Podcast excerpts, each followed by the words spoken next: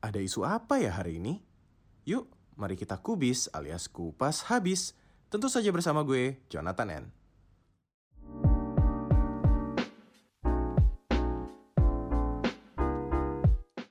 Kembali lagi bersama gue, Jonathan N. di Kubis, Kupas Habis. Di sesi Kupas Habis kali ini, kita akan ngomongin sedikit tentang branding. Yang menyangkut juga mungkin teman-teman di sini banyak yang jadi entrepreneur, buka usaha, dan pengen tahu, emang branding penting? Nah, kita sudah kehadiran salah seorang pakar branding, cie, pakar branding. Um, di sini ada Mbak Stephanie Regina. Halo Hani. Hai, halo Bang John. Ini pas banget ya, nama sosial medianya juga Halo Hani ya. Betul, itu bagian dari personal branding kak. Oh, berarti memang anaknya mungkin kamu suka bersosialisasi ya, jadi sering disapa Halo Hani. Gitu. Betul, makanya kadang-kadang kalau misalnya disapa Halo Hani, kayak jangan lupa follow ya, gitu langsung. Oh, panjang ya username-nya. Halo Hani, jangan lupa follow ya. Halo. Pertama-tama, Han, mungkin banyak yang belum kenal juga nih tentang siapa sih Stephanie Regina. Boleh cerita dikit nggak? Boleh dong. Halo, jadi selamat pagi, siang, malam semuanya. Kapan pun kalian nonton ini, perkenalkan nama gue Stephanie Regina atau biasa dipanggilnya Hani aja gitu. Currently itu lagi building ada satu e-learning community platform namanya Haloka Talks. Kita fokus di personal development, communication dan juga branding. Lalu yang kedua sekarang juga kebetulan pas banget lagi di Jogja. Jadi co-founder Melipir Coffee Shop di Jogja. Jadi bareng sama teman-teman juga nih kalau misalnya di Melipir. Terus sama yang terakhir ada sekarang full time di salah satu multinational company sebagai brand manager. Gitu aja sih kak sekarang. Right. Dulu kamu ngambil kuliah apa nih? Dulu ngambil kuliahnya marketing di Prasmo, Prasetya Mulia. Tapi pas mau lulus itu diganti jadi lulusannya branding. Jadi kayak jurusannya diganti dari marketing jadi branding. Jadi jatuhnya lulusan branding kamu lulusan branding terus juga jadi brand manager gitu kan di salah satu FMCG multinasional lah. Berarti memang apakah bisa dibilang ada ketertarikan atau memang passionate di ranah branding ini atau gimana? Yes, betul. Jadi memang passionate-nya itu sebenarnya di marketing, jadi branding, sama satu lagi itu sebenarnya di public speaking gitu. Dari dulu memang orangnya tuh suka kepo-kepo kayak kenapa ya kenapa dia melakukan ini ya kayak kenapa dia milih ini bukan milih yang itu gitu. Terus ternyata waktu didalami lebih lanjut oh ada loh sebuah jurusan yang mempelajari itu tuh ternyata dari branding. Karena kan branding sebenarnya essence itu benar-benar understanding the consumer kan harus kepo gitu kalau misalnya suka branding tuh biasanya. Right right. Gue jadi tertarik nih tadi ngomongin soal personal branding dan juga UKM kan branding uh, bisnis. Kita bahas yang bisnis dulu deh. Kita bahas. Mungkin kan karena banyak juga orang-orang yang yang lebih familiar ya dengan bisnis. Oh bisnis butuh branding. Tapi personal branding ini kan sebenarnya terms yang baru muncul bukan baru muncul munculnya sebenarnya sudah lama tapi mungkin baru ngetrennya belakangan gitu ya ya betul baru okay. banyak yang bahas banyak yang bikin kelasnya emang belakangan belakangan ini right nah tapi kita kupas dulu mengenai UKM nih jadi menurut gua orang Indonesia itu semangat entrepreneurship-nya tuh tinggi-tinggi. Gitu kan kayaknya dikit-dikit pengen bikin usaha aja. Nah, menurutmu kira-kira apa yang bikin hal ini terjadi? Apakah kamu setuju? Setuju sih, benar. Especially during this pandemic gitu. Hmm. Kayak benar-benar kalau misalnya buka Instagram dari yang tiba-tiba nggak punya bisnis, eh sekarang dia jualan makanan, eh sekarang dia belajar untuk nge-illustrate, dia bikin ini, bikin itu gitu. Jadi kayak pandemic ini merupakan sebuah kesempatan untuk orang kayaknya coba suatu hal yang baru. Even though mereka misalnya juga udah punya pekerjaan tetap yang utama gitu. Karena sebenarnya aku pribadi itu bikin melipir sama bikin haloka itu tuh emang waktu lagi jadi full time juga gitu. Terus coba bikin usaha kecil-kecilan kan. Kalau ditanya alasannya kenapa, mungkin karena orang Indonesia tuh nggak bisa diem aja gitu. Kita suka aja sensasi, suka suatu hal yang baru, Udah gitu juga mungkin karena kita sangat dekat dengan sosial media. Jadi kita juga saat melihat orang lain, eh dia kok bikin sesuatu yang baru ya? Gitu. Eh gue coba juga ah. Gitu. Ya, makanya juga banyak online shop penjamur banget ya di sosial media. Betul. Jadi kayak eh dia ternyata bikin ini, jadi pengen coba juga ah gitu. Terus habis itu ditambah lagi dengan sekarang informasinya kan sebenarnya benar-benar di mana-mana kan. Dari nggak bisa masak, bisa belajar masak dari YouTube dari nggak bisa podcast ikut webinar tentang podcast dan bisa coba-coba setup sendiri. Terus sekarang tuh rata-rata kayak alat-alat untuk kita memulai juga udah nggak semahal dulu. Kayak dulu tuh ngebayangnya kalau misalnya bikin podcast tuh bener-bener yang harus di studio terus harus bener-bener kayak wah lengkap lah peralatannya.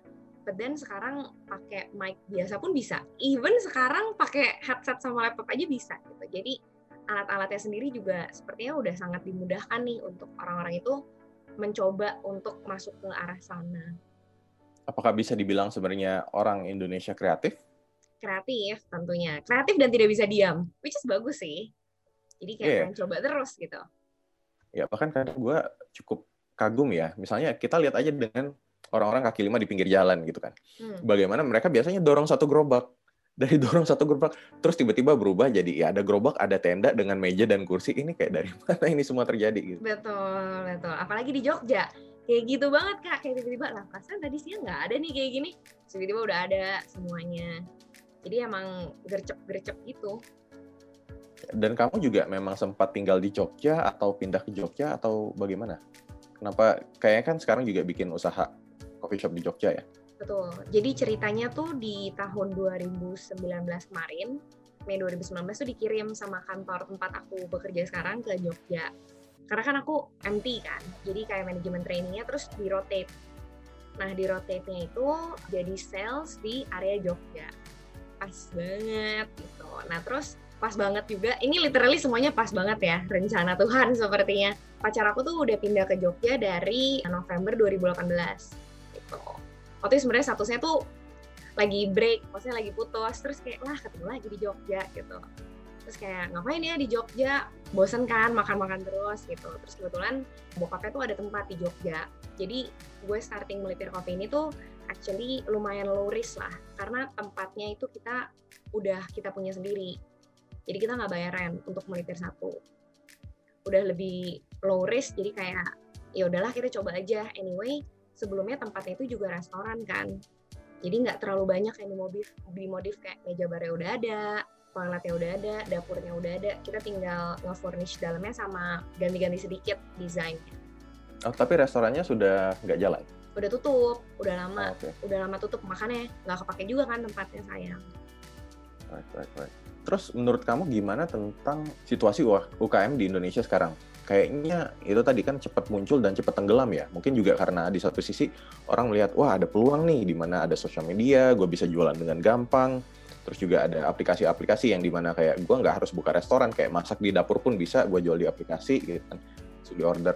Tapi di satu sisi juga kayaknya ini membuat semua orang jadi gampang bikin usaha, jadi saingannya banyak in a way, dan mungkin jadi persaingannya susah, dan jadinya juga mereka akan cepat naik tapi cepat juga turun gimana menurut kamu? Oke, okay, ini actually menarik karena uh, aku tuh tipe pribadi yang juga percaya bahwa nggak sem semua bisnis itu meant to be last gitu kayak kayak untuk umurnya tuh panjang. Memang ada beberapa bisnis yang kita mungkin bisa disebutnya kayak lebih ke dagang gitu lah ya kayak oh ada opportunity kayak misalnya zaman dulu tuh uh, waktu silikon handphone lagi in banget kan dengan semua gambar-gambarnya bentuknya ya udah kayak orang ambil opportunity aja jualan itu. Tapi dia tahu ini paling trennya cuma 2-3 bulan, habis itu udah. Terus dulu misalnya es kepal Milo. Gila kan, kayak boom, terus habis itu semua orang bikin, terus habis itu tiga bulan kemudian semuanya hilang. Gitu. Jadi kalau misalnya aku sendiri ngeliat ini kayak nggak apa-apa sih.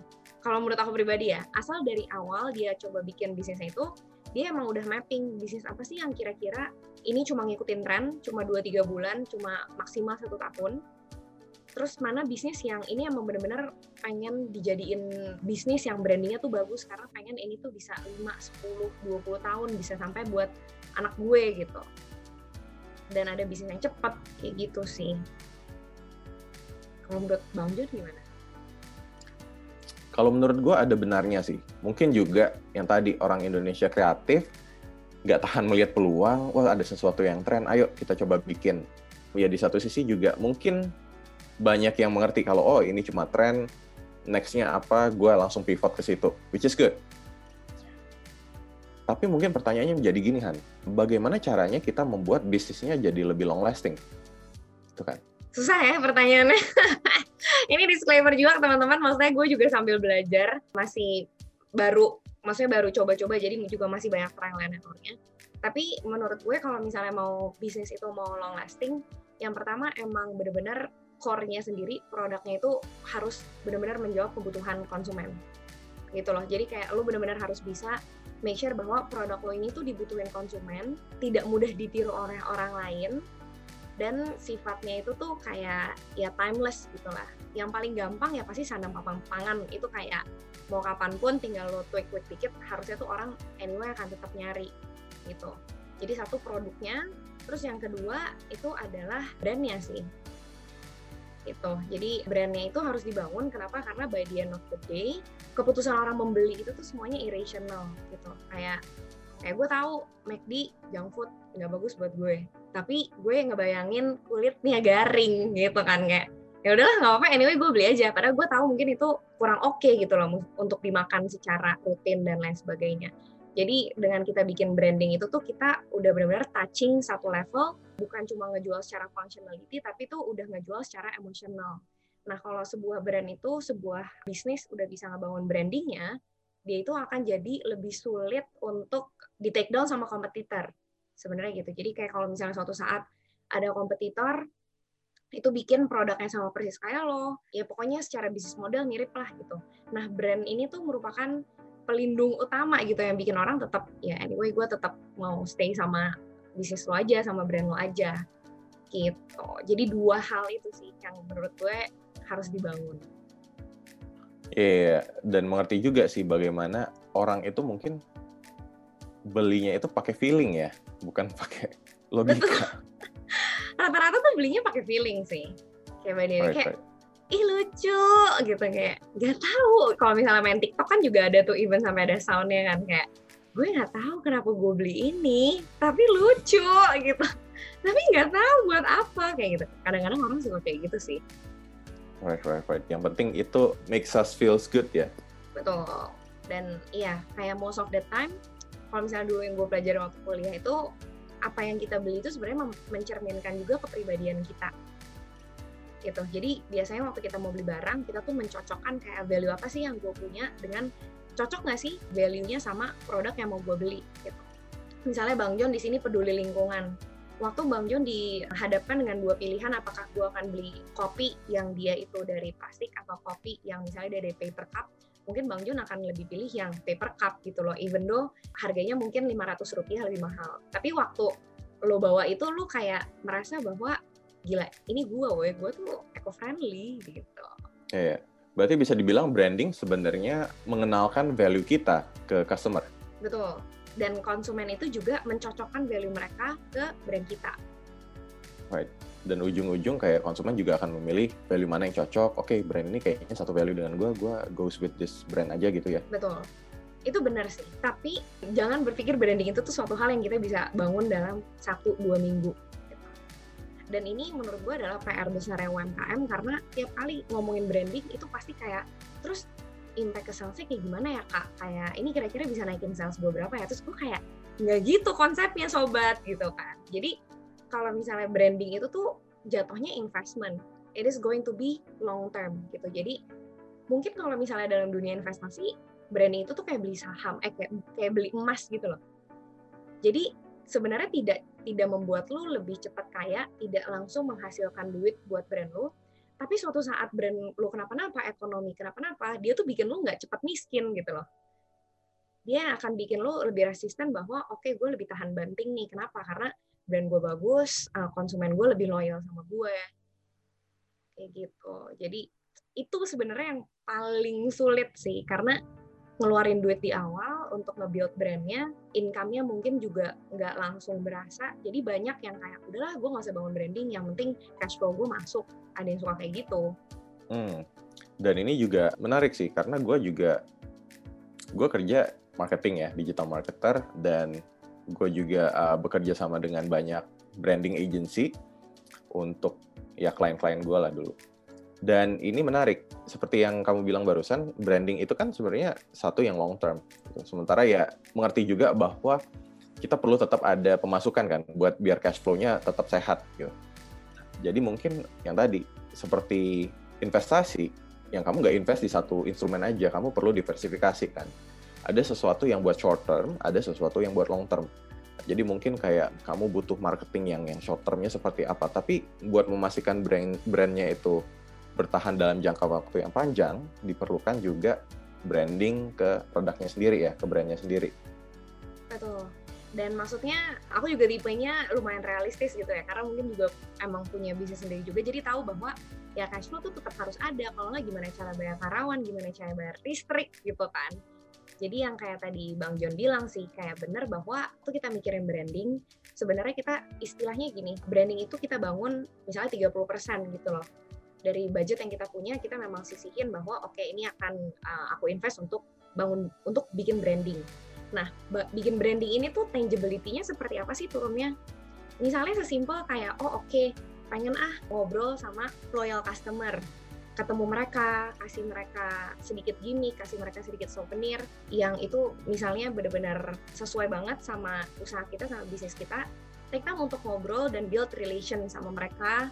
Udah gitu cari tahu juga mereka butuhnya apa. Itu kan mereka nggak kemudian habis itu langsung beli produk kita apa segala macam kan. Jadi lebih kayak ya udah kita treat mereka.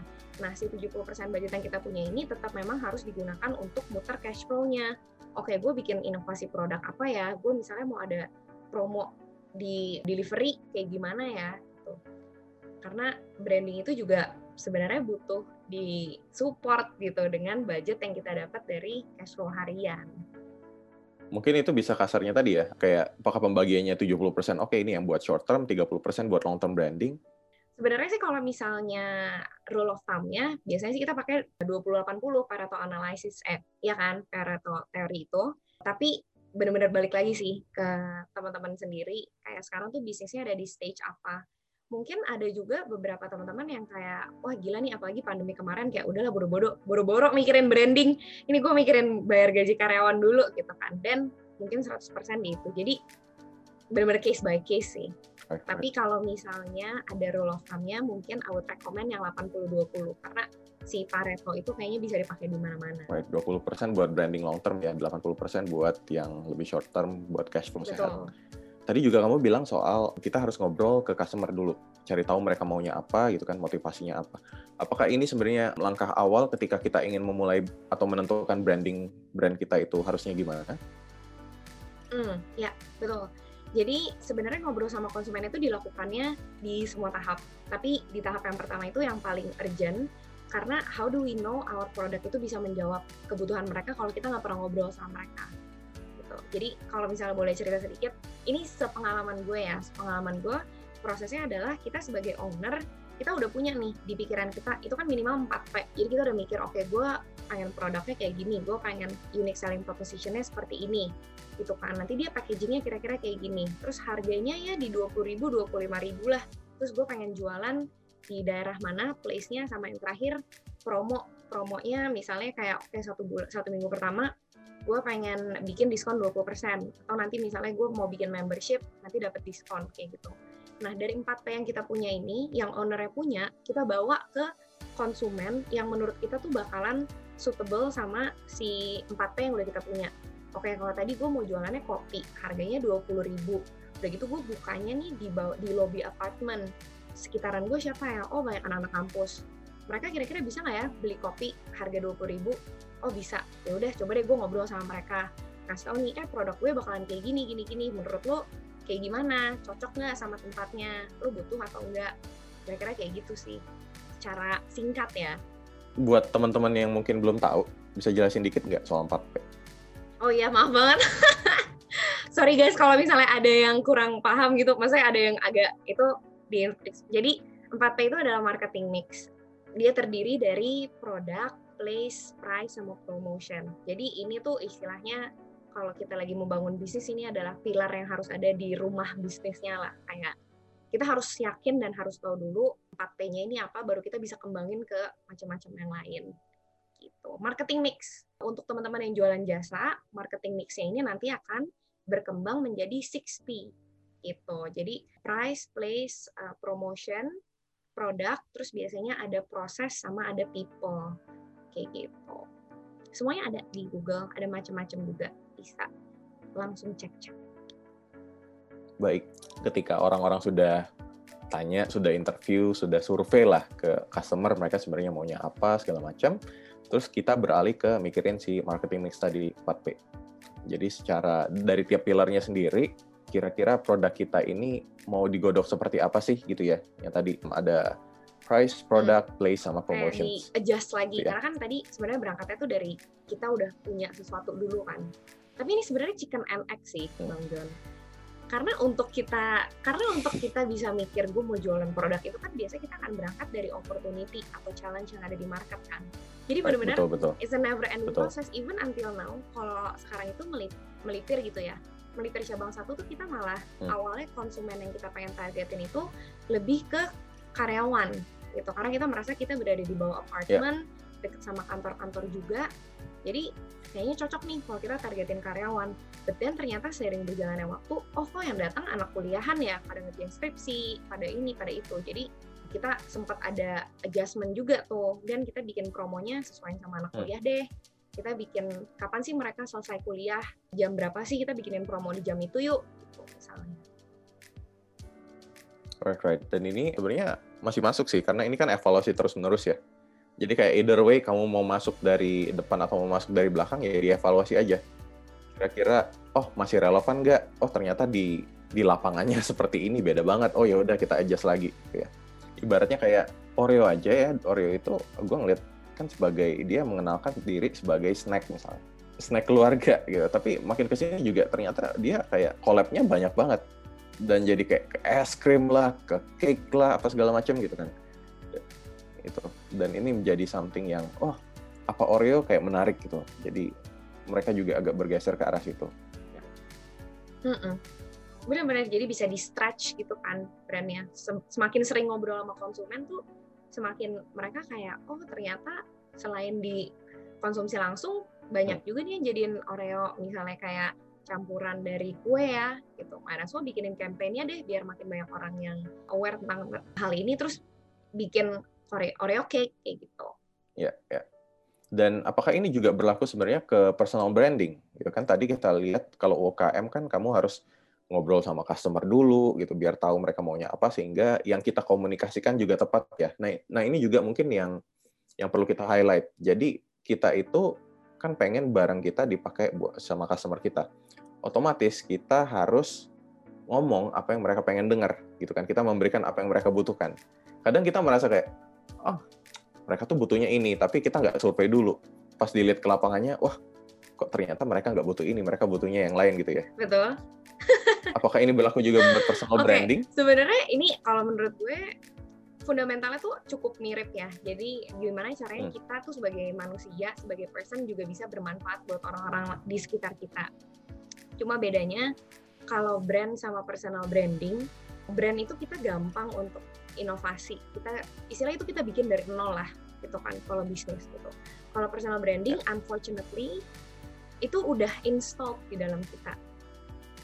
Ya kan? Mungkin by the time kita sadar oke okay, gue punya gue butuh personal branding nih. Itu kita udah umur 20 23 udah ada 23 tahun yang kejadian dalam hidup kita keluarga kita lingkungan kita relationship kita.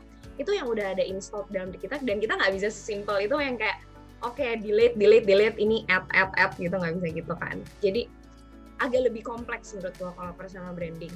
Tapi gue setuju yang kayak tadi bang Yon bilang bahwa in the end of the day when we talk about personal branding itu sebenarnya ada dua hal yang penting kan apa yang kita punya apa yang kita bisa sampaikan dan apa yang pengen didengar sama audiens kita nah uh, sweet spotnya itu sebenarnya ada di uh, irisan tengahnya gitu loh jadi kita juga ya. uh, sebenarnya harus stay true, harus harus stay true bahwa oke okay, ini gua, ini yang bisa gua share. Tapi kita juga harus memilah uh, apa bagian dari diri gua nih yang bisa add value buat orang lain gitu. Jadi makanya ya. kenapa mungkin ya when it comes to personal branding, you orang tuh paling mentok tiga gitu. Kayak punya personal branding tuh tiga. Oh iya dia jago di marketing, public speaking, sama dia suka masak gitu kalau misalnya udah lebih dari ya. tiga orang kayak lama-lama bingung kayak ini sebenarnya bisanya apa ya ini bisa itu bisa ini bisa itu bisa jadi harus dipilih mana sih dari semua hal yang lo punya dalam hidup lo itu yang paling bisa add value jadi biar orang tuh oke okay, kalau cari tentang branding communication cari Hani aja deh gitu. Dia sering banget nih ngomongin tentang ini. Tapi doesn't mean gue juga nggak boleh share kalau gue suka makan gitu kan. Tapi proporsinya balik lagi ke Pareto. Mungkin 80% yang gue share itu adalah tentang personal branding yang mau gue bangun dan yang bermanfaat buat audiens gue. Gitu. Right right. Berarti tadi juga ya kalau bisa gue rangkup sedikit jadi kita harus cari tahu dulu Betul. apa yang kita punya gitu kan. Apa yang kita punya dan yang nggak semuanya Betul, harus ditampilin bang. juga. Terus apa yang pengen kita sampaikan ke audiens dan juga yang audiens butuhkan atau Betul. yang audiens ingin dengar. Dan pastikan juga bahwa yang kita sampaikan itu adding value ke kehidupan mereka karena kan kayak ngapain gue dengerin lo kalau lo nggak ada manfaatnya ke kehidupan gue kan seperti itu betul banget, betul banget jadi always kalau misalnya di Haloka karena kita juga sering ngomongin tentang personal branding gitu kan kita tuh selalu ngebedain personal branding sama pencitraan Nah, sebenarnya beda utamanya dari mana? Beda utamanya itu kalau personal branding itu benar-benar your core values and core competencies. Jadi, sesuatu yang udah ada dalam diri lo, cuma lo pengen kasih tahu orang bahwa ini lo gue gitu. Karena tadi harapannya itu bisa bermanfaat, bisa bantu orang lain. Misalnya kayak gue, dulu itu sebelum gue mulai Haloka, gue pikir semua orang di muka bumi itu tahu John tentang marketing mix. Karena gue udah belajar itu kan istilahnya udah enam tahun gitu kan, dari gue kuliah gitu jadi waktu by the time gue kayak ngobrol sama orang ternyata mereka nggak tahu gue jadi kayak oh oke okay, ternyata ada ya sesuatu yang gue tahu orang lain nggak tahu. Dan saat gue kasih tahu itu tentang mereka bisnis mereka jadi lebih oke okay, mereka jadi lebih tahu gimana cara manage branding uh, eh, UMKM-nya kayak gitu. Jadi gue kayak oh oke okay. jadi ini sepertinya suatu hal yang bisa nih gue karyakan.